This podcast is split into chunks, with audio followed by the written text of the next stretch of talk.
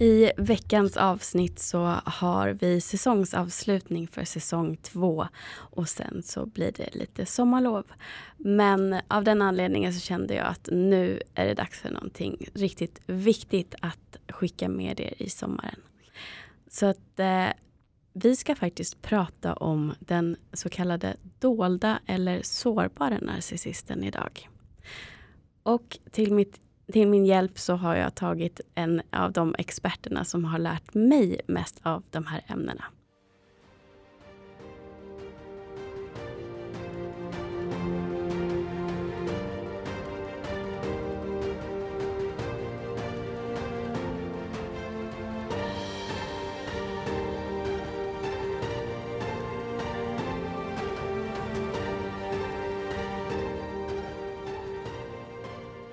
Säger varmt, varmt välkommen Klara. Tack så jättemycket. Tack för att du ville ha med mig. Absolut. Jag har ju berättat för dig att jag kan ju säga att jag nästan har knarkat dina videor. Just det, just För att de är så otroligt informativa. Så att um, jag känner att det blir liksom lagom mycket information men samtidigt väldigt lättförståeligt. Vad glad jag blir. Det är precis syftet. Att man ska kunna lyssna på dem och hänga med och ibland kanske man måste pausa för det är ju ändå mycket information att ta in. Och framförallt om man har varit med om detta själv och kanske känner igen sig i det här att man då också måste stanna upp ibland. Det kan bli, kan bli mycket samtidigt såklart men verkligen jättetacksam om de kan vara till hjälp. Absolut, och jag kommer också att länka till din kanal i det här avsnittsbeskrivningen. För jag är helt övertygad om att det är väldigt många, både män och kvinnor, som kommer mm. känna igen sig och kanske får ett lite bryskt uppvaknande just av det här samtalet. För att det jag har lärt mig nu när jag har läst på, eh, vilket föranleddes av att jag fick en bok som ett receptions mm. eh, ex till mig som heter Genomskåda narcissisten med en kommande Just gäst. Det var att jag också i hennes eh, bok lärde mig att det finns två olika mm. typer av narcissister. Precis. Och det kände jag, det vet inte allmänheten. Nej, så är det. Så är det. Och mycket av det du söker på på internet när du söker på narcissism eller det som finns i forskningen, det berör den mer grandiosa typen eller öppna typen av narcissist. Dels eftersom att det är en betydligt enklare form av narcissism att upptäcka den är mycket mer explicit, är mycket tydligare och betydligt enklare att undersöka inom forskningen. Mm. Därför att det, det, är mer drag som vi finner hos den allmänna populationen. Men de här sårbara eller mer dolda dragen, de är betydligt svårare att komma åt. Verkligen. Och upptäcka. Mm. Och jag, jag märker också att jag som har läst på otroligt mycket och baserat många, många avsnitt på anknytningsteorin yes. märker ju också att det går att hitta olika typer och olika starka drag av de otrygga. Mm. Mm. Eh, och där har jag också fått läsa mig till att en otroligt undvikande otrygg person mm. har ofta drag av narcissism. Precis, absolut. Och det är för att narcissism grundar sig mycket i barndomen och i just anknytning. Så det är en absolut att det, att det hör ihop väldigt mycket. Det här undvikande men också den mer ambivalenta formen av, av eh, anknytning. Mm. Kan ju också, man kan finna kopplingar även där till narcissism. Mm. Just för att det ofta grundar sig i någon form av eh, anknytningsproblematik då kanske från barndomen men också i, i traumatiska upplevelser som barn. Så att, Absolut. Jag tänker på din utbildning. Mm. Du har läst eh, beteendevetenskap och psykologi. Precis. Får ni lära er om eh, båda typer av narcissism? När ni... Nej, det, det, får vi inte utan det är mer ytligt, alla sådana delar tyvärr. Eh, men där jag också fokuserade mina arbeten och sådär på just narcissism. Och jag skrev faktiskt ett arbete som berörde narcissism och jämförde det med om narcissister då är mer kärleksberoende än andra människor. Men där jag också kollade om partnern mm. är mer kärleksberoende. Så, och det är ett ganska nytt koncept just det här med love addiction. Man har gjort några skalor som mäter det här och kanske inte helt erkänt heller att det finns något som heter love addiction, men där det börjar komma in mer och mer. Och det var väldigt intressant för man tänker mycket på det med narcissister som ofta byter partners hela tiden och vill ha nya partners. Och, och, och ofta går de här skiftena väldigt, väldigt snabbt. Men också att partnern kanske accepterar kärlek som de egentligen inte borde acceptera, eller inte borde, mm. men de accepterar destruktiv kärlek för att det kanske finns ett underliggande beroende av kärlek. Så det var väldigt intressant att, att gå in på det mer djupgående. Och just nu börjar man utforska mer skalor som också ska mäta mer av den eh, sårbara typen av narcissism. Vad bra och vad intressant. Mycket intressant. Mycket intressant. Om vi börjar då med att försöka hjälpa lyssnaren att förstå eh, vad narcissism är rent generellt. Mm. Mm. Och sen kanske går in lite mer på hur man ser just den dolda eller sårbara narcissisten. Absolut. Och narcissism eh, kännetecknas ju av, de är ofta grandiosa personer, högkänsliga för kritik. Det finns en, ett osäkert inre egentligen, men det gömmer sig därunder. Det är personer som är arroganta, som känner sig berättigade, det vill säga lagar gäller inte för dem. Så det här är lite av de här typiska dragen, har också en lägre grad av empati. Um, och, och, det är väl de här typiska dragen, det finns lite andra drag också, men mm. det här mm. kännetecknar liksom en narcissist och sådär. Men när det kommer till den här dolda narcissisten så finns också de här dragen. Alltså man kan, man kan hitta ungefär liknande drag, men det ser ut på ett annat sätt. Och det yttrar sig också på ett annat sätt. Och samtidigt så är det så att en mer grandios narcissist är ofta mer extrovert och har en lägre grad av neuroticism, det vill säga är mindre ångestfylld, är mindre osäker och har mindre av de här kanske mer depressiva inslagen då. Medan en dold narcissism snarare är mer introvert, och har en högre grad neuroticism. Det vill säga man kan se mer av den här osäkerheten, mer ångestfylld. Eh, man kan se depressiva inslag ofta hos den här personen, vilket gör att när du börjar läsa på om narcissism så kommer du antagligen inte att känna igen mm. den här personen i beskrivningarna. För ofta beskrivs de ju som the life of the party och det här är personer som är väldigt, väldigt framgångsrika och det kan en, en sårbar narcissist också vara. Men är mycket mer pessimistisk i sin natur och därför blir det också svårare. Jag brukar säga det att en grandios narcissist har, ett, har mycket mer hjälp av sin narcissism. För att de har ett starkare skydd på något sätt. De har väldigt starka eh, försvarsmekanismer som också kan hjälpa dem där de blir optimistiska. Mm. En, en dold narcissist har eh, mer än den här pessimistiska pessimistiska formen, mycket mer känsliga för kritik och sådär också, än den grandiosa. Mm. Och deras uttryck är ju också olika. Mm.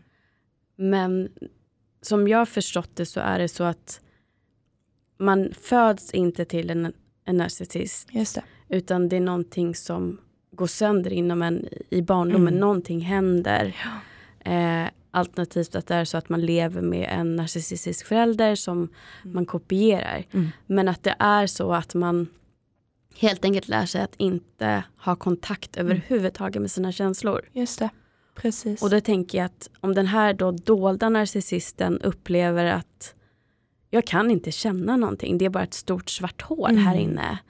Så eh, kan jag tänka att det är också bidrar till de här episoderna av, av depression och att känna att mm. vad är det som inte fungerar för mig? Eller? Absolut, och mycket av det här att stå utanför världen och titta in på något sätt. Och det är också därför både den dolda och grandiosa narcissisten behöver väldigt mycket beundran.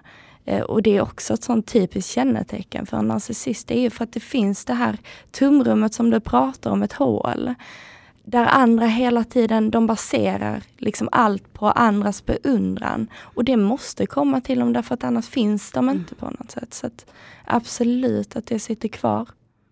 Så det här med datingappar och mm. eh, social media måste ju vara det perfekta verktyget för att där kan de hela tiden få den här yttre bekräftelsen som de söker. De kan byta source mm. hela tiden mm. och ha flera stycken på gång samtidigt som ger dem energi i form av uppmärksamhet och likes, kanske kommentarer om att de ser bra ut. Och då behöver de inte känna det här stora tomrummet som de bär på inuti för att de kan maskera det hela tiden och fortsätta bygga på den här fasaden som de lever med. Och det är ju likadant med båda typerna av narcissister, att de är experter på att måla upp en bild av den personen de vill vara och bära den här fasaden. Så att de är egentligen ja, motsatsen till de personerna som vill komma bakom fasaden mm. och visa sig själva just bakom det. fasaden. Precis, absolut. Och just som du säger, alla de här apparna där man kan verkligen bygga upp en stark fasad och det gör ju vi alla fast mer eller mindre. Mm. Och för en narcissist blir det här en väldigt välpolerad fasad som man ofta tror på, för de är också väldigt övertygande med fasaden som de visar upp. Men sen är det ju också kanske en skillnad, har man då stött på den här typen av människor eller varit i en relation med den här typen av människor. Jag brukar säga att har du sett det en gång så är det väldigt svårt att inte se det igen. Mm. Men att det kan se olika ut beroende på vilken typ av narcissist som mm. du har stött på eftersom att de visar sig på helt olika sätt. Mm. Så man kan, har man lurats av den ena typen kan man enkelt också luras av den andra typen sen. Mm. Just för att, för att de framstår som väldigt olika trots att deras kärna egentligen är likadan. Mm. Om man då träffar på en dold narcissist så har ju den här personen då ett, en annan persona än den, den extroverte. Mm. Och kan fortfarande visa sig känslig, även om det är spelat. Um, kan verka ha empati, mm. i alla fall i ord sett. Absolut. Vad skulle du säga ändå är typiska beteenden hos en dold narcissist? Mm. Alltså just här i starten så kan ju också själva den här idealiseringsfasen som nazister ofta brukar ha, det vill säga att de till en början då vill fånga in dig i den här relationen och, och få dig på fall genom att antingen då ha en väldigt väldigt stora gester här i starten av relationen där du får massa blommor och allt sånt där. Men när det kommer till den här mer dolda typen av narcissist så behöver det inte vara så här enormt storslagna gester som man ofta hör om. men, nej men det här var ingen lovebombing-fas, eller det här var ingen idealiseringsfas, för jag åkte inte på resor. Jag fick inte stora buketter hemskickade. Nej, för att den här dolda narcissisten kommer kanske snarare lyssna mer på dig, verka inkänna intresserad, beundra dig. Man kan enkelt uppleva den här personen som väldigt altruistisk, det vill säga de gör saker för andra. De har det här varma, djupa och man ser ofta det lilla barnet hos personen. Så är man då en person som gärna vill läka andra, men då kommer man nog ganska snabbt att gå in i det här mönstret och vilja försöka visa, för att det här är också en person som gärna berättar för dig att hela världen på något sätt har varit emot dem. De hade en traumatisk uppväxt och sen när de försökte eh, hitta sitt yrke, ja men då var alla emot dem där och ville inte att de skulle lyckas trots att de egentligen vet att de skulle varit bäst om de var där. Så att leta efter den typen av kännetecken, dels det här väldigt, jag är ett offer och hela världen är emot mig. Man kanske ser det här lite paranoida eller depressiva, men underliggande finns det också det här grandiosa. Just att de säger, ja men om människor bara hade trott på mig, då hade jag haft det yrket, eller då hade jag lyckats eh, bättre än någon annan inom det här. Men precis som med den grandiosa narcissisten så kommer det här ju också vara personer som manipulerar dig, som förminskar dig och det här kan ske på ett mer passivt aggressivt sätt. Att de på olika sätt uttrycker sig genom passiv aggressivitet. Men där du också kommer känna väldigt mycket skuld. För att de använder hela tiden den här offerpositionen på olika sätt för att eh, skuldbelägga dig. Så att verkligen, ofta förstår man inte riktigt när man är i en relation med en sån här person. Man kan inte riktigt sätta fingret på varför man, man mår så dåligt. Varför man har en så tung känsla inombords. Därför att de är otroligt skickliga på att linda in. Och på att eh, mer subtilt då manipulera dig eller förminska dig och spela ut dig. Mm. Det blir en känsla av att jag vet inte varför det inte känns mm. bra för han är inte elak eller hon är inte elak mot mig. Det är inte det här att de förminskar kanske ord. Öppna narcissister kan säga de mest mm. hemska sakerna. Eh, de kan använda ett jävla hora eller du är inget värd eller det är så äckligt när du mm. tuggar högt och sådana saker. Nu tar jag eh, exempel som jag har hört mycket i podden där de pratar, mm. eh, offer har pratat och gett exempel. Um, medan den dolda narcissisten kanske istället använder sig av silent treatment. Uh, att någonting du har sagt har inte varit i deras uh, syn då någonting bra. Mm. Så att de bara försvinner och du förstår inte vad du har gjort för fel. De har dragit sig undan, du får inte tag på dem. Mm. Du börjar anklaga dig själv för att du har gjort någonting elakt mot dem. Mm. Exakt. Och sen kommer de tillbaka som att inget hänt.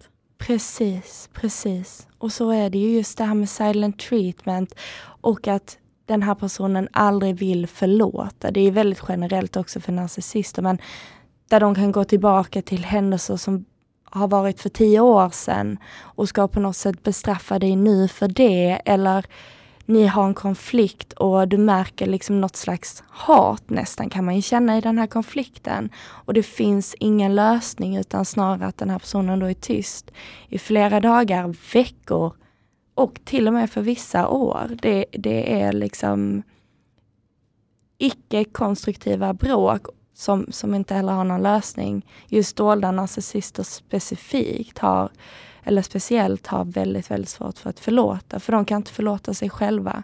Så hur ska de kunna förlåta någon annan? Mm. Så att man kan väl säga att det som ändå kännetecknar båda, fast det här blir ett mer subtilt sätt, är ju att det blir hot and cold. Mm. Att det kan vara en person som du tänker, han hatar mig för att nu har inte mm. vi hörts på så här och så här länge. Jag måste ha gjort någonting fel. Just det. Och sen kommer personen in och låtsas som ingenting och kanske öppnar sig lite mer. Mm. Och berättar att nej men nu har han mått dåligt ett tag och det är över. Det hade ingenting med dig att göra. Exakt. Och då hoppar du tillbaka i hoppet och mm. tänker att ja, ja men det, det är någonting hos honom som jag kan läka med min kärlek. Mm. Och så fortsätter du att ha kontakt och ger förmodligen ännu mer till den här personen.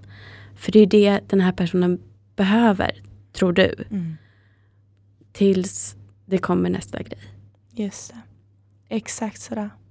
Så fungerar det. Och i båda relationerna, båda relationerna tenderar ju att vara väldigt isolerande just för att man ska normalisera det här beteendet och, och förlora kontakten med sin omvärld. Men med den dolda narcissisten, eftersom att det är en person som är mycket mer introvert, som gärna inte går kanske på de här sociala tillställningarna, som inte står i mitten av festen som den grandiosa narcissisten och håller låda medan alla skrattar åt den här personen, utan den dolda narcissisten kan mer sitta liksom gömt på den här festen och sen också börja klaga på dig och klaga på dina vänner och de är fel och de behandlar dig fel kanske och sådär och på olika sätt isolerar dig. Så blir ju det här också betydligt svårare att upptäcka av den anledningen också. Och när andra personer då träffar den här mer dolda narcissisten så kan de ju mycket väl få samma varma intryck som du fick till en början, det vill säga men det här är en blyg person som har upplevt jobbiga saker som verkar lite sådär ångestfylld och nästan lite rädd och social ångest och sådär. Så, så det gör ju det också svårt när man väl har brutit med en sån här person och man vill att andra ska förstå vad det var som skedde bakom stängda dörrar. För den personen har inte de sett. Och det är ofta inte lika påtagligt när det gäller en grandios narcissist där folk kanske mer kan se. Just ja, men jag, jag kunde se den typen av tendenser. Men, men dold narcissist är det betydligt mer eh, subtilt och gömt. Mm. Samtidigt som att när du är i en, någon typ av relation med den här dolda narcissisten så eftersom de ofta är i relationer med empater, högkänsliga mm. eller medberoende. Så blir det ju att du själv bygger upp en bild av den här personen som en trasig liten pojke eller flicka som du vill laga. Vilket också gör att du vill förklara ditt beteende när dina vänner eller din familj kanske ifrågasätter hur länge ska ni hålla på så här egentligen? Det är on-off hela tiden. Då hjälper du till att manipulera både dig själv och andra genom att förklara att den här personen har varit med om mycket svårt. Och mm. Det är inte så lätt för henne att öppna upp sig och komma nära. Och jag, jag vill bara ge den här personen en chans och visa att det kan vara bra och min kärlek läker.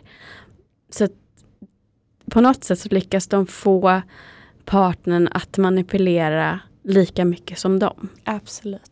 Absolut.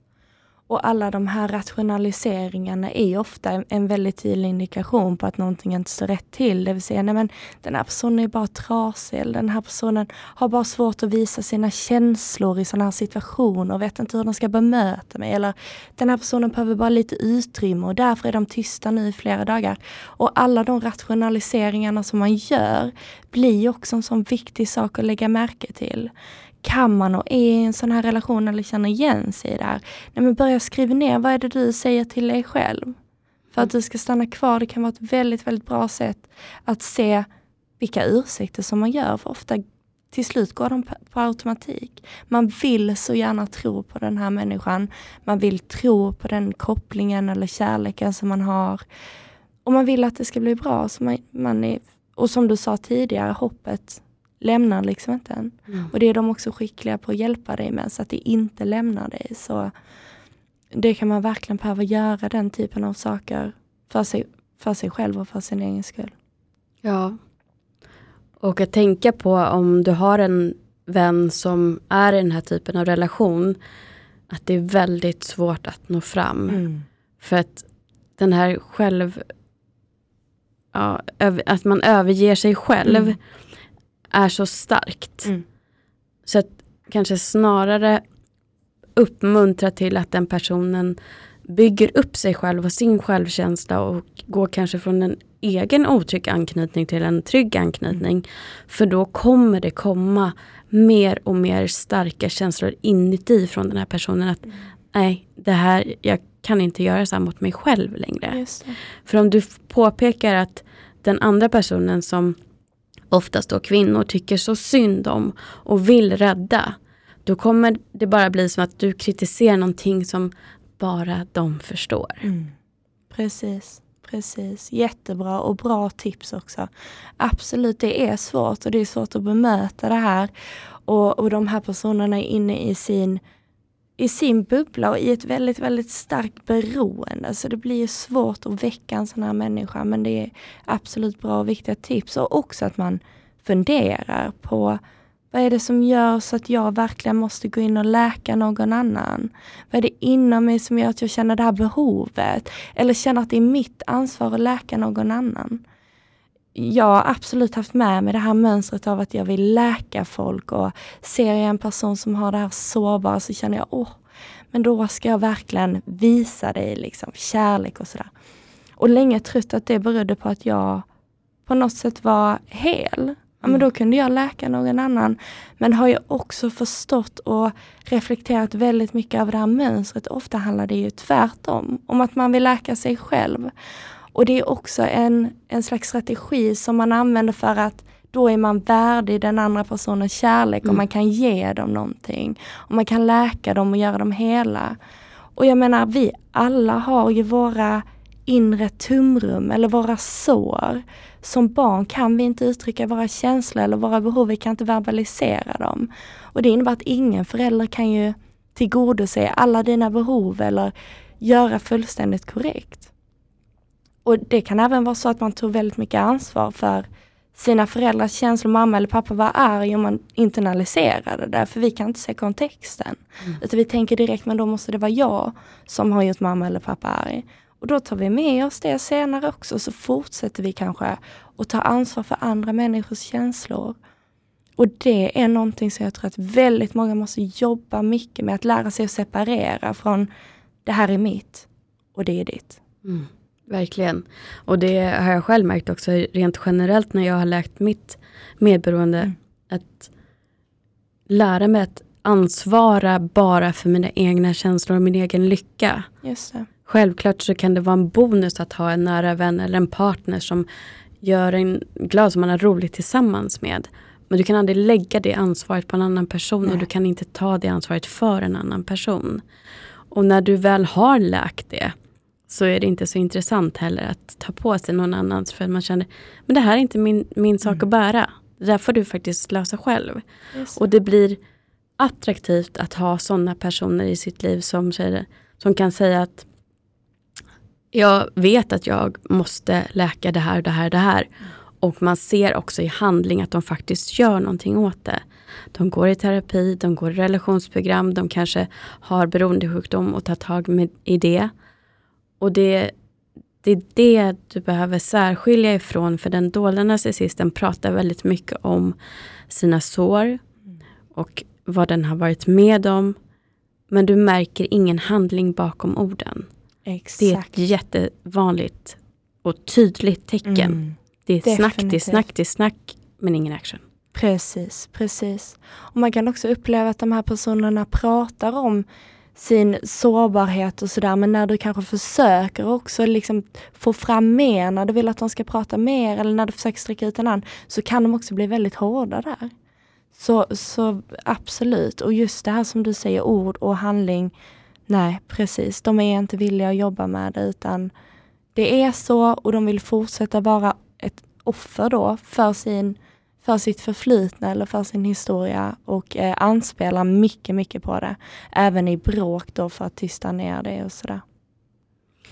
Ett annat vanligt kännetecken tänker jag är breadcrumbing. Mm. Mm. Kan du förklara lite vad det är för någonting?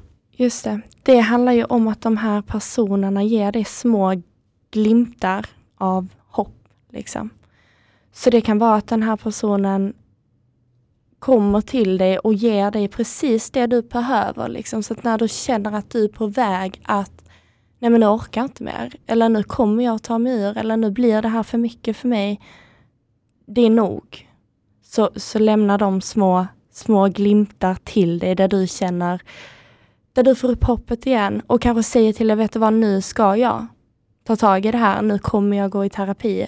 Och där väcks ditt hopp upp igen.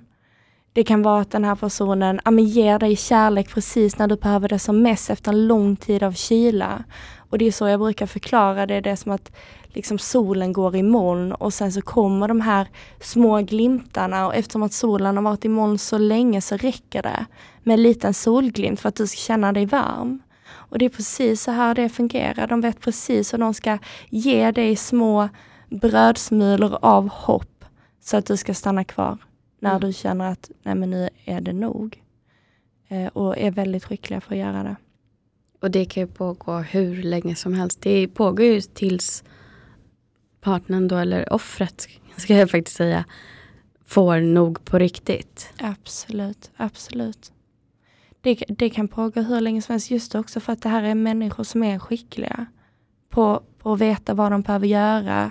De samlar information om dig till en början, så att de vet ju också precis vad som får dig att eh, bli glad eller vad som får dig att eh, känna dig sedd eller precis hur du fungerar och kan därför också använda helt rätt strategier för att få dig att stanna kvar. Men också att de triggar igång din rädsla för att bli övergiven under relationens gång. Mm. Så du har, det finns en massa bakomliggande faktorer som gör att man ofta stannar kvar länge. Men också att man kanske tar sig ut men går tillbaka in i relationen flera gånger. Just för att de vet precis vad de ska anspela på. Och jag brukar beskriva det som att det här är människor som de fyller upp dig inifrån och fyller upp de såren som du har inombords. För att sedan utsätta dig för samma trauma som har orsakat de här såren från allra första början. Så de vet precis vad de ska anspela på och det gäller både dina rädslor men också vad som får dig att känna dig sedd, bekräftad och älskad. Mm. Och där i den första fasen, när de fortfarande skapar det här faktiska beroendet som blir. Mm.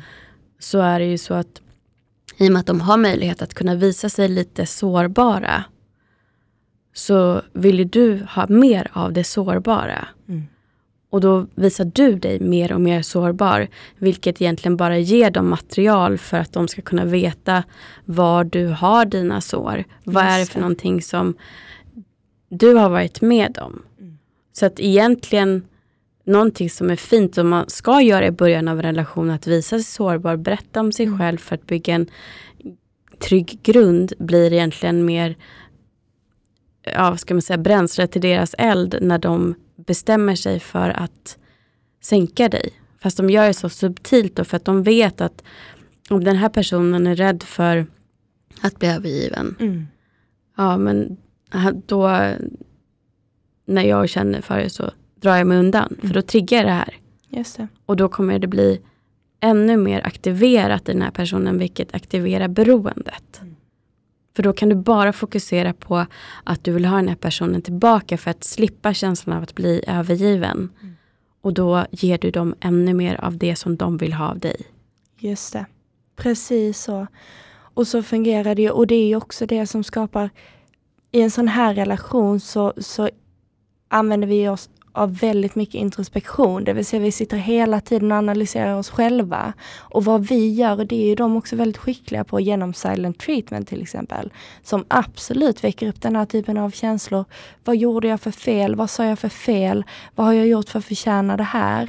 Så vi tappar ju mer och mer fokuset från deras beteende eftersom att vi lägger all energi för att fokusera på oss själva och på vad vi kan ha gjort fel som, som gjorde att vi blev bestraffade på det här sättet. Så det är den här typen av bestraffningar också som också gör så att du missar ju deras beteende för att du måste lägga ner så mycket tid på ditt eget för att precis som du säger få behålla den här drogen som personen blir med tiden och för, för att få behålla den här personen. Mm. Så det som händer då, nu säger vi hela tiden beroende, men det är ju att som jag förstått det, det är dopamin och oxytocin framförallt då som, som då tas ifrån dig och Mm. sen ges tillbaka till dig. Mm. Och eh, så vitt jag har förstått det så har forskare likställt det här med ett kokainrus när du får den här dosen då av dopamin och oxy- oxytocin från narcissisten. Precis sådär. Så det är väldigt, väldigt höga nivåer av både dopamin och oxytocin, vilket är de här lyckliga hormonerna, eh, glädjehormoner och kärlek. Och där syns ju ofta de. Men just när det kommer till narcissister och är man då i en idealiseringsfas och sådär, ja, men då är de här nivåerna väldigt, väldigt höga. Och sen så blandas de med kortisol, vilket är vårt stresshormon.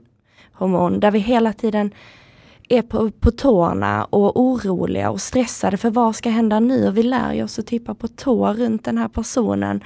Där vi har ett väldigt aktivt fight and flight system som är vårt rädslesystem och väldigt mycket kortisol i vår hjärna. Och sen pendlar det mellan höga nivåer av dopamin och oxytocin och sen byts det ut med kortisol. Och alla de här blandade meddelarna meddelandena i hjärnan är väldigt starka och skapar också det här beroendet, precis som du säger, som går och likställas med ett, ett eh, kokainberoende eller liknande. Mm. Så därför är det också viktigt att om du lyssnar på det här just nu och känner igen dig. Jag förstår att det kan väcka väldigt mycket sorg och att man tänker att vadå, är jag, är jag beroende av den här personen? Är den här personen min drog? Ja, men det, den goda nyheten är också att du kan tillfriskna Mm. genom att förstå vad det är som faktiskt händer. Och du kan gå på så kallad avgiftning av den här personen. Men den här personen kommer inte tillfriskna. Exakt, Utan bara fortsätta till nästa person. precis. Så att, eh, hur sorgligt det än är för oss som faktiskt har empati och eh, sympati för att det här är någon som har blivit så pass skadad i, tidigt i livet. Det innebär ju inte att vi behöver ha någonting mer med dem att göra. Nej, precis. Och det är ju därför det blir så viktigt att vi inte har det när vi väl har brutit upp. Att vi är noga med att komma ihåg då. Och där, där blir det också viktigt att veta att det här är ett beroende. Det jag känner är ett slags beroende. Jag vill vara nära den här personen. Jag tror nu att jag behöver den här personen för min, e-, för min egen lycka. Jag kommer liksom inte, jag känner mig halv och alla de här känslorna blir ofta väldigt framträdande efteråt. Och där det blir så viktigt att försöka ha så lite kontakt som möjligt. Kan man blockera så ska man blockera och kan man inte det, i alla fall att använda sig av så lite interaktion som möjligt med den här personen. Och att man är noga med det just av den anledningen att de här personerna är proffs på att väcka den här känslan av beroende och det kan hålla i sig länge. Jag vet många som tänker, men nu har det gått så lång tid så nu kan jag gå in och kolla den här personens sociala medier eller kan säkert träffa den här personen. Men det fungerar inte så utan det här är människor som på något sätt alltid väcker en viss typ av känsla hos dig. Där det blir viktigt att behålla det här länge och där det också är väldigt, väldigt enkelt att falla tillbaka in i beroendet igen. Mm. Så eh, tips som du också tar upp i dina videor det är att man ska försöka skriva ner mm. När den här personen får en att må dåligt. För att ha en lista att titta på och läsa igenom när det blir svårt i avvänjningsfasen. Eller när man har kommit så långt som du precis beskrev att man tänker att nej, men nu kan det inte göra någon skada med att gå in och titta vad den här personen gör. Eller om vi går på samma fest eller vad det nu kan vara så att du kommer i kontakt med personen igen. Att du ändå kommer ihåg hur det kändes och att du blir påminn att du vill inte få den konsekvensen. Du vill inte komma tillbaka till det här igen. Precis som någon som är beroende av alkohol kan ju inte ta ja, men bara några glas någon Nej, gång ibland igen. Sådär. Tänk att det är faktiskt mm. likadant. Precis. Precis. Och det är just en sån liknelse jag brukar jag brukar använda mig av just för att man verkligen ska förstå, nej men jag kan inte sitta i samma rum eller jag kan inte gå in och kika här för jag kommer att väcka alla de känslorna igen och jag kommer väcka upp det här beroendet igen. Men det blir väldigt viktigt att man får ner det här på papper och det handlar ju också mycket om den här kognitiva dissonansen som man har, både i under relationen men också efter, det vill säga å ena sidan så har man en bild av den här personen som den, kanske om det är en dold narcissist, känsliga, fina, lite ångestfyllda, varma, gulliga människan. Och sen å andra sidan börjar man upptäcka det här mer monsterliknande, det vill säga det här är verkligen inte en ängel den andra sidan av denna personen. Och för din hjärna att sitta och försöka sammanföra de här två olika bilderna till en enhetlig bild, det är väldigt, väldigt svårt. Och där kan man behöva hjälpa sig själv på traven genom att framförallt skriva ner vad är det den här personen har gjort mot mig? Vad är anledningarna till att vi gjorde slut och till att det behövde ta slut? Och hur mådde jag egentligen i relationen? Mm. Försöka skriva. Jag vet om att det är vanligt också att många känner ett stort behov av att skriva. Vilket också kan vara ett ganska tydligt tecken på något, på något. Så har du sparat gamla anteckningar och sådär. Som också, där du också har uttryckt hur den här relationen har varit. Plocka fram dem nu. Mm. Verkligen och påminn dig.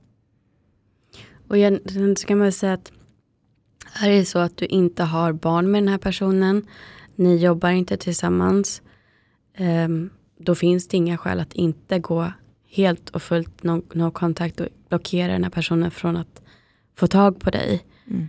Um, för du kommer kunna släppa det här längs med tiden och så länge som du också jobbar med dig själv, gränssättning, mm. eh, veta vilka dina behov är. Då kan du också jämföra med att när jag behövde sätta den här gränsen, hur reagerade den här personen då? Skriv ner det också. Mm. Eh, när jag behövde få tröst när jag mådde dåligt, fick jag det då? De finns ju väldigt sällan där då. Mm. Skriv ner det så att du har liksom även sådana saker att påminna samtidigt som att du bygger upp dig själv och tar reda på att vad vill jag ha utav en relation? Vill jag ha någon som inte finns där för mig när jag behöver dem, utan bara jag ska finnas där när de behöver mig. Mm. Nej, det vill man inte när man har ett sunt tänk. Precis, absolut. Och en annan sån där bra skrivövning som man kan göra, det är att man också skriver ner alla saker som man missade när man var i denna relationen. Mm. För du kommer komma på en massa grejer som du gav upp som var viktiga för dig, vare sig det var en, en trevlig fest med dina vänner som du alltid brukade gå på. Det kanske var traditioner som du lämnade, som du brukade fira med din familj men som du plötsligt övergav. Det kommer vara en massa händelser som du troligtvis kan komma på och som du har missat. Och det kan också vara en sån bra grej för att verkligen väcka sig själv och förstå att man faktiskt var väldigt isolerad Mm. i den här relationen. Nu när jag gick till bussen när jag skulle åka hit så möttes jag av klistermärken där det stod det är dags att vakna nu tre gånger. Mm. Så jag ser det som tecken på Mm. vad vårt budskap med den här, det här avsnittet är. Att det är dags att vakna nu. De här personerna kommer inte förändra sig. Och att ju fler som faktiskt börjar se själva vad det är de har fastnat i och vi sprider mer kunskap också om den dolda narcissisten, desto fler människor kommer bli fria Mm. ifrån det. Mm. Så att också ett annat hjälpmedel när du väl har börjat vakna upp och kanske sitter i sorgefasen, för det blir ändå en sorg. Mm.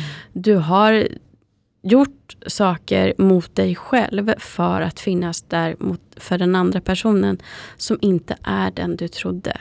Du har varit kär i någons potential. Du har älskat en person som inte existerar.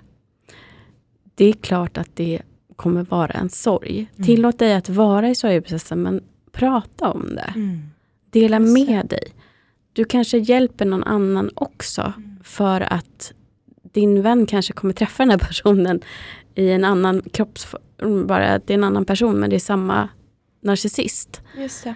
Så att prata om det, dels för att läka men också för att sprida mer kunskap. Mm. Absolut, och det är en, en definitivt en sorgeprocess att gå igenom det här och just som du säger har allt varit en lögn, jag har levt i en lögn och den här personen fanns aldrig. Där man också skuldbelägger sig själv men det är också för att när man har kommit ur den och kanske börjar förstå vad det här egentligen handlade om och man börjar lära sig om ämnet, men då är det lätt att kolla tillbaka och slå på sig själv och säga hur kunde jag inte se det här? Samtidigt som du hade ju inte den kunskapen då. Jag kan inte prata ryska innan jag har lärt mig ryska, det kommer inte fungera. Utan att man också påminner sig själv om det, att du visste inte det som du vet nu. Och det är klart att det är enkelt att, att sitta och kolla tillbaka nu och säga, hur kunde jag inte se att allt var en lögn? Nej men det, det gör man ofta inte, man förstår inte det. Och där man också ska försöka bedöma sig själv utifrån var man var och befann sig där och då ja, men i en situation där din självkänsla var sänkt, där ditt självvärde var sänkt, där du blev manipulerad, där din verklighet förvreds på olika sätt. Du visste inte ut eller in och den här förvirringen tog över väldigt mycket. Och komma ihåg att det var där jag befann mig då. Jag såg den här kärleken som äkta och jag får ju bedöma det utifrån hur jag såg det där och då. Och sen så har jag lärt mig annat nu. Verkligen. Och det är inte så lätt att, att tänka så, men att man får hjälpa sig själv verkligen och jobba med det. Mm. Och sen är det ju så att du möter ju den här personen ofta när du är i ett stadie i livet där du är väldigt sårbar. Du kanske inte har varit i relationer med en sund person tidigare. Som du sa i början också att det är väldigt vanligt att vi har varit i en relation med öppen narcissist innan och sen ser den dolda narcissisten som en motsats Mm. och tänker att ja, men den här är ju helt annorlunda än den öppna narcissisten. Det är mer det här jag söker. Exakt. Och så blir du inlurad i det när du fortfarande är sårbar från den gamla relationen med den öppna narcissisten. Precis sådär. Så, och det är väldigt, väldigt vanligt. Därför att de är ju lika och har ju en lik kärna men det blir ändå så annorlunda.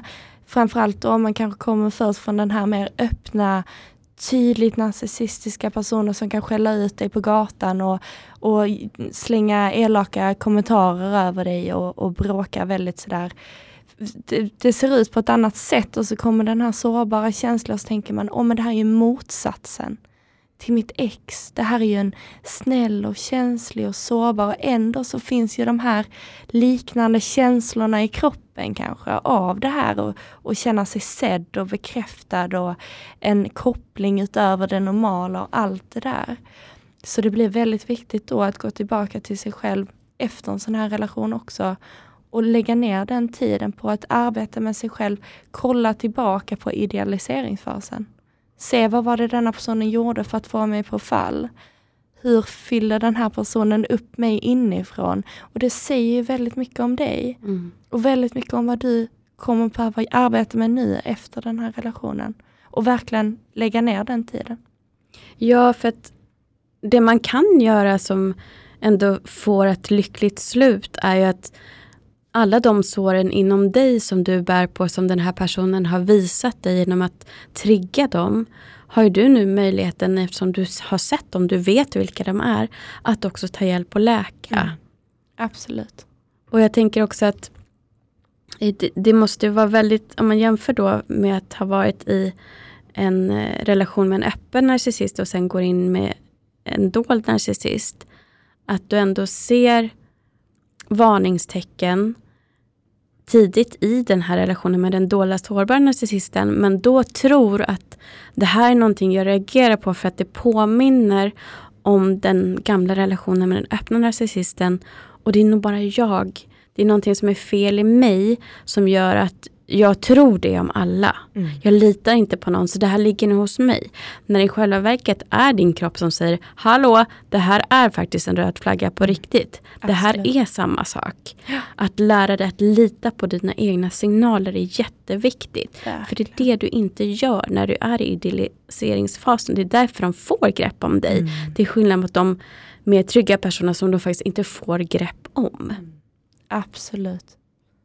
Så är det. Jätte, jätteviktigt att fundera på det och just som du säger att lära oss att lita på oss själva. Och det är en sån grej som jag tror att väldigt, väldigt många av oss har svårt och ingen, ingen människa litar helt fullständigt på sin egen världsbild, vilket innebär att vi alla är benägna att, att misstro oss själva eller att börja ifrågasätta oss själva och framförallt då om det kommer in en narcissist som är väldigt övertygad om att det är så här världen fungerar. Mm. Och då sitter man snabbt där och tänker ja, då tror jag mer på dig än vad jag tror på mig själv.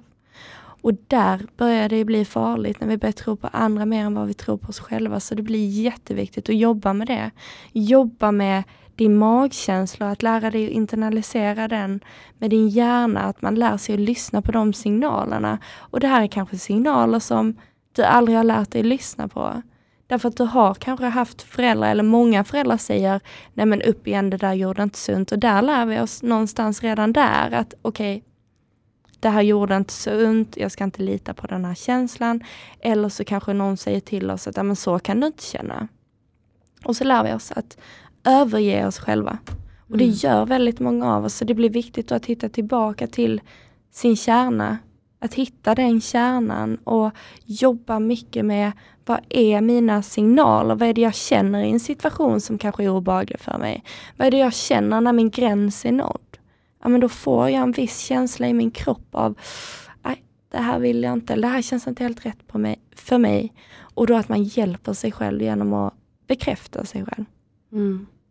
Och jag tänker verkligen gå tillbaka till någonting som jag tror är det lättaste att hålla koll på. Mm. För att jag tänker att läser man mycket om relationer och, och lyssnar på poddar så får man ju höra att man ska ta upp när det är någonting som gnager.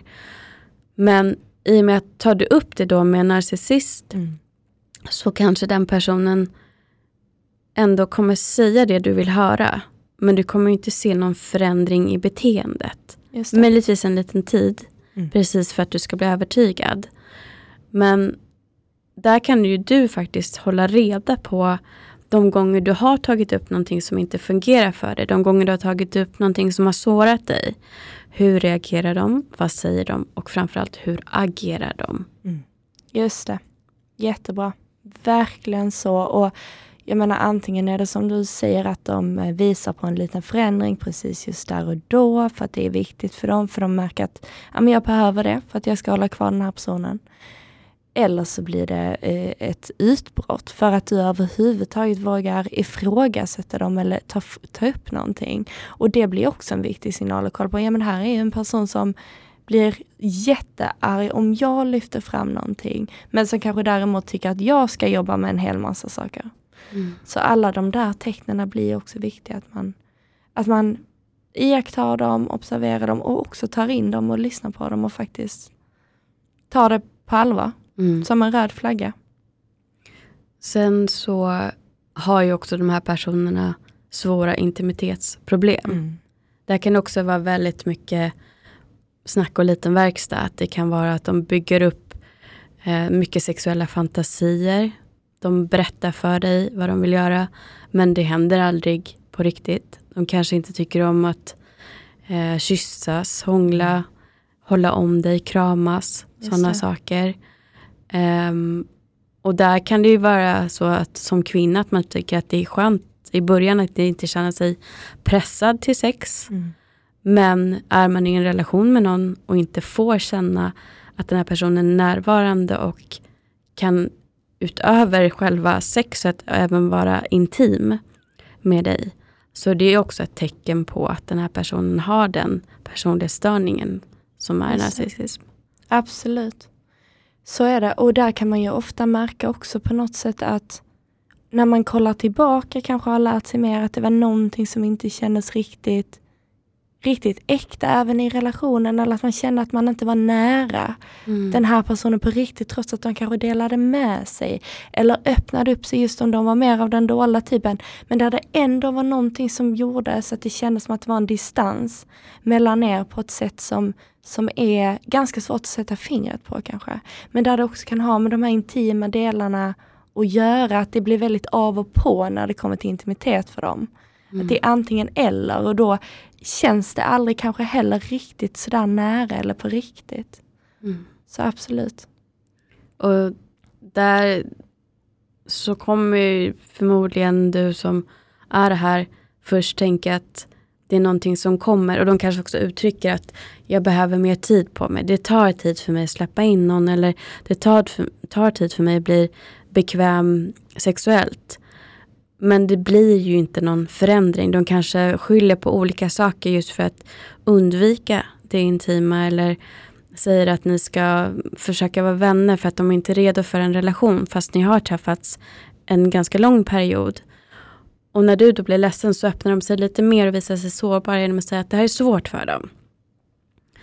Vilket gör att de kan hålla kvar dig lite och du får vänta längre och längre. Men när du pausar ditt liv och din lycka och din kärleksrelation för en person som inte någonsin fullt committar till dig, vilket de faktiskt inte gör, då gör du våld på dig själv. Och du kan tycka att det är någonting att du känner dig skyldig att vänta på att den här personen ska bli redo, men du är inte det. Och har du svårt att känna att ja, jag behöver gå här, ja, men tänk att ja, men då du börjar kanske i alla fall att lämna, säg då, intala dig själv att jag lämnar tills den här personen är redo. Men gå ut och lev ditt liv så länge, vänta inte. Mm. Tänk hellre så att, ja men blir det så blir det.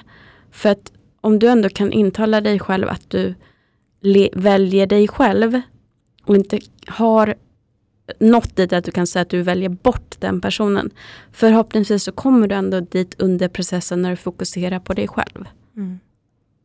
Jag tänker att det kan vara en början för att det är jätte, jättesvårt som en känslomässig person att rättfärdiga att lämna någon som man ser som trasig. Mm.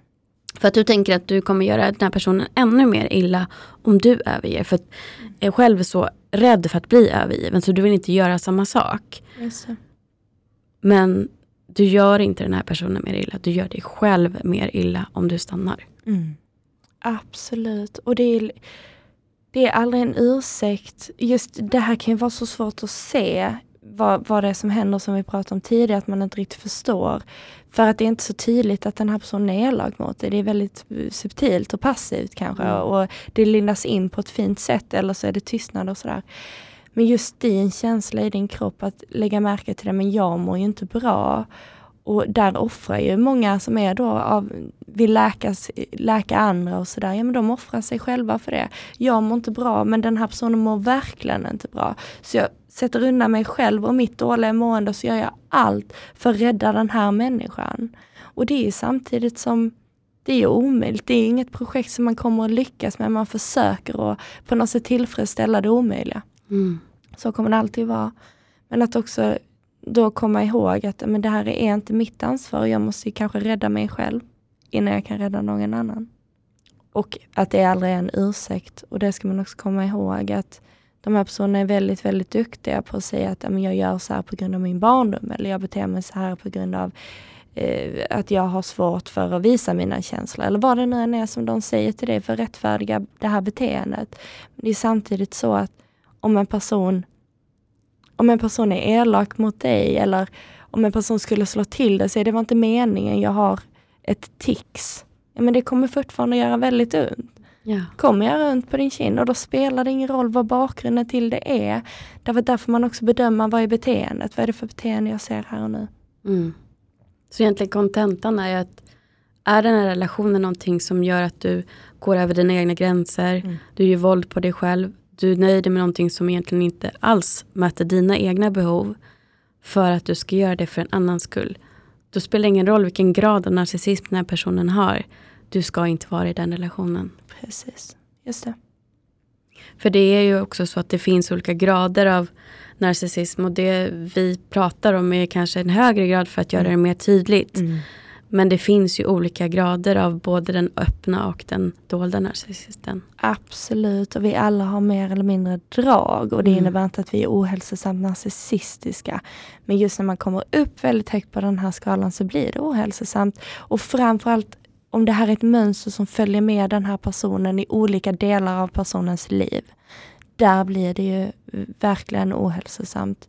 Och också att man kan överlappa, så, så man kan vara en person som då både har en grandios form av narcissism och en sårbar form av narcissism. Att det här kan existera samtidigt hos en och samma person. Men där den ena typen av narcissism kanske blir lite tydligare. Mm. Vet personen som har narcissism att de har det? det är väldigt eh, eh, debatterat skulle jag säga huruvida de är medvetna eller inte. Någon typ av medvetenhet finns absolut hos de här personerna. Att det är någonting som inte, att man, att man känner på något sätt att man inte riktigt kan eh, connecta eller du vet, att man inte riktigt känner igen sig i andra människor och i deras känslor. Det är någonting, det är lite som jag beskrev där tidigare, att stå utanför världen och titta in. Det känner man ja men jag kommer inte känna den typen av känslor som du, som du känner utan jag kanske har en kognitiv empati, vilket de här personerna har, det vill säga jag kan se och förstå och lära mig att spegla dina känslor, men jag kommer inte känna det på det sätt som jag ser att du gör. Så absolut finns det, finns det en viss typ av form av medvetenhet, men också eh, omedvetna delar. Mm. Där, där det här går på automatik väldigt mycket saker som kanske för oss är det är så långt ifrån oss, är liksom vardag för de här människorna. De har länge använt sig av projicering, de har gjort allt för att skydda deras ego under så lång tid att de inte längre vet vad som är sant eller falskt eller när de ljuger om någonting och framför det på ett sätt där du kanske ja, väldigt enkelt tror på, på den här lögnen ja men där kan man också i många fall känna att ja, men den här personen tror ju själv på den här lögnen. Mm. Därför att de behöver övertyga sig om att det är alla andra som gör fel medan de gör rätt. Så de alltid på något sätt kommer undan som hjälten eller offret i en situation eller i ett bråk. Mm. Och jag tänker också att där den öppna narcissisten ofta svartmålar andra människor i sitt liv så gör den dolda kanske mer att den berättar om att den har sårat andra människor och att det är så synd om mig som jag kan inte förlåta mig själv för att jag har gjort illa den här, den här personen. Och då ser man det som att de har insikt och de Just. vet om vad de gör. Har de insikt och vet om vad de gör så drar man egna slutsatser och drar likhetstecken till att då kommer de ju göra någonting åt det och bli annorlunda med mig. Mm. Absolut. Men det sker inte. Nej. Precis, så är det. Mm. Som avslutning tänker jag också om vad skulle du säga som ändå är expert i det här skulle jag vilja säga är det viktigaste att tänka på när du har kommit till insikt om att du är i den här typen av relation och vill ta det därifrån. Mm. Vad är det viktigaste att tänka på när du ändå är själv sårbar för att du har mm. förstått det här? En, en väldigt viktig del skulle jag säga är att kan man och har man bra personer runt omkring sig, så ta hjälp av dem och berätta om din relation och våga öppna upp dig. För ofta kanske man väntar med det för man har inte riktigt bestämt sig. Och så tänker man att om jag börjar berätta hur den här relationen faktiskt ser ut eller hur jag mår så kommer jag inte heller att kunna ta mig tillbaka in i relationen. Och det är precis där man vill hamna på något sätt. Att man försöker att verkligen ta hjälp av de här personerna och berätta det är så här jag känner och det här kommer vara svårt för mig och det här är ett stort steg, jag behöver ert stöd. Att man vågar sträcka ut en hand. Men också att man då ser till att man pratar med rätt typer av personer. Det kan ju bli det svåra. Jag ska säga det är inte vem som helst här som man ska berätta om sin relation för, för att vissa människor kommer inte att försöka förstå, för man kan nog aldrig säga att man kommer förstå på riktigt om man inte har varit i det. Mm. Men det finns i alla fall människor som är villiga att göra sitt bästa för att försöka förstå vad du har varit med om. Att då vända dig till dem och våga öppna upp och berätta om det här. Mm. Och också kanske göra en plan för dig själv. Ja, men vad är det du kommer behöva göra nu? Hur ska du lämna? Många kanske tänker, och jag har hört många som säger, men jag vill inte sitta framför den här personen och berätta att jag kommer att lämna, utan jag vill gärna vara på distans. Ja, i så fall så gör det. Och det finns ju vissa regler för de här kanske mer hälsosamma relationerna, att vi gör inte slut över telefon, utan vi sitter framför den här människan, men det här är inte en hälsosam relation. Och det finns därför inte samma regler, mm. skulle jag säga, utan att man man får känna efter det, vad jag är bekväm med, kommer jag falla tillbaka väldigt snabbt, vilket är väldigt lätt om man sitter framför en sån här person som vet exakt vad de ska säga för att antingen väcka skuld, skam eller sorg hos dig, där du absolut inte vill lämna. Så att man försöker göra någon typ av intervention för sig själv. Hur ska det här se ut och sådär. Och också är det då att, så att man har kommit på vad det här handlar, handlar om, att man förstår det här mönstret mer. Fortsätt att lära dig och gör det verkligen och ta, lägg ner den tiden. Vissa säger, men jag känner mig helt besatt, jag sitter ju och läser om det här hela tiden. Det är helt okej. Okay. Gör det. Och det kommer också hjälpa dig och sen kanske man får sätta upp en tid för sig själv att nu får jag börja liksom ta ett steg tillbaka, nu kan jag mycket och sådär men den här kunskapen hjälper dig också, den hjälper dig att förstå den kan hjälpa dig efter relationen, när man så gärna känner det här starka behovet av att jag vill bara höra av mig. Narcissisten kanske är knäpptyst och du undrar om du någonsin har betytt någonting. Så du dras hela tiden mellan det här och där man ofta känner ett väldigt, väldigt starkt behov av att bara få vara nära den här personen igen. Men att man då också jobbar mycket med att lära sig med de här skrivuppgifterna som vi tog upp tidigare, att man påminner sig själv om varför behövde jag lämna den här personen? Det kommer du behöva, jag brukar kalla det för att det är din snuttefilt. Mm. Att ha den med dig, ha den gärna nära dig hela tiden. Så att du kan sätta dig och verkligen mata in där, kan du läsa det högt för dig själv. Och verkligen bearbeta det du säger så är det ännu bättre. Så det skulle jag säga, det, det blir viktiga delar när man ska ta sig ur. Mm. Och blockera såklart. Ja. Absolut, väldigt snabbt kan man så blockera.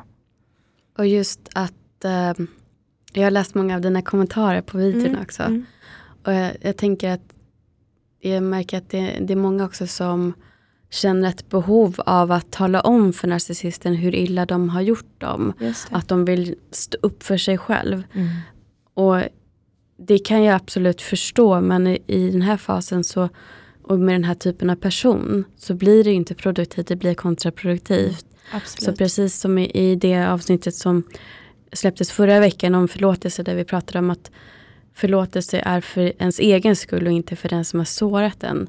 Så tänker jag, om du då skriver ner, som var ett exempel vi tog då, mm. ett brev till den här personen som du inte skickar, då får Just du ändå det. ur dig det. Exakt. Det är faktiskt en sak som jag också brukar säga, att man ska göra det. Just också få ur sig all den här ilskan och skriva det som om att man skulle skicka det till personen. Det är jätte, jättebra eh, att få göra det för att man ofta känner att jag har ju alla de här känslorna, jag måste få ut dem. Och det kan du få, men du kan välja hur du ska få ur dig de mm. känslorna. Mm. Och, och framförallt att du får det för dig själv. Allt det här med ilska eller med sorg eller sådär. Just ilska är en sån känsla som man ofta känner efter den här relationen. Där man kanske går på impuls och bara slänger ur någonting. Man, man kan agera på väldigt många olika sätt när vi är, är arga på det sättet men att man då också är noga med att man på något sätt påminner sig själv om att den där ilskan, den drabbar bara dig. Och, och, inte den här personen som du så gärna vill ska känna din ilska. För ibland när vi är arga så tänker vi att ah, det är bra, då känner den här personen att jag är arg. På något sätt att vi känner att vi får ur oss det. Men samtidigt så är det bara en känsla som vi känner och som drabbar oss själva. Samtidigt som den är viktig att känna efter den här relationen. Ja, tillåt den, acceptera den. Men tänk också att eftersom det här är personer som är känslomässigt avstängda. De kommer inte känna det som du vill förmedla. Det är ingen Nej. idé. Utan var glad för att du inte är känslomässigt avstängd istället. Absolut. Och tillåt alla känslor som kommer. För en känsla kan på riktigt bara hålla i sig när du tillåter den i 90 sekunder. Sen kanske den kommer igen och igen och igen, absolut. Men för varje gång som du tillåter den så kommer det klinga av. Absolut, absolut. Det blir så viktigt. Vara snäll mot sig själv och lära sig att ta hand om det lilla barnet som finns inom oss. Och när vi känner all den här sorgen eller ilskan, ja men verkligen liksom bli medveten om den och observera den och säga just det, nu kom denna känslan och det är helt okej. Okay. Och sen mm. att du verkligen ger dig själv tillåtelse att få utlopp för den. Helt sant. Absolut. Tack så jättemycket Klara för att du har varit här idag. Tack för att jag fick vara med. Jättetrevligt verkligen. Och eh, jag rekommenderar verkligen från hjärtat att gå in på din Youtube-kanal och eh, lära sig i sin egen takt så mycket som möjligt. Oavsett om du har varit i den här relationen eller inte. För vi behöver alla lära oss om den här personlighetsstörningen. För att det är ändå en procent av befolkningen som jag förstått det mm. som har den.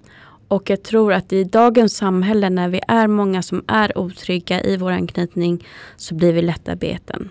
Absolut. Så absolut. att äh, försöka kanske förhindra om du inte redan har hamnat där. Eller tillåta dig att bara acceptera och förstå mer som mm. en del av din läkning. Just det. Och eh, som jag sa tidigare så, så länkar jag allting och man kan även kontakta dig för att boka samtal. Just det, precis. Så det kan man också göra. Och var hör man av sig då någonstans? Då hittar man eh, en länk, om man klickar visa mer i min beskrivning under Youtube, där finns länkarna till det. Och där brukar jag också skriva en liten text och det brukar finnas information där om mina sociala kanaler, om min e-mail och om samtal. Mm. Så gå till Klara Leger och så hittar ni allting. Just det. Yeah. Klara Leger överallt. Ja. Jättebra. Och eh, till alla er som har kommit hit för att vi har pratat lite spirituellt innan. Jag vet också om att många som hamnar i den här situationen tror att de har hittat sin tvillingsjäl. För att som man beskriver de här faserna med on and off, att det är någon som är sårad, som inte kan komma nära, är också likt hur du hamnar med en dold eller sårbar narcissist. Så jag brukar säga så här, om en person gör dig illa, det är inte din tvillingsjäl, det är din narcissist. Absolut. Helt rätt. Så med det så vill jag också tacka alla er som har lyssnat den här säsongen och önska er en underbar sommar. Passa på att lyssna på gamla avsnitt. Jag ska se om jag kanske lägger ut lite favoriter i repriser. Men oavsett så är jag tillbaka igen i augusti. Så håll till godo och som vanligt tills vi hörs igen, ta hand om dig.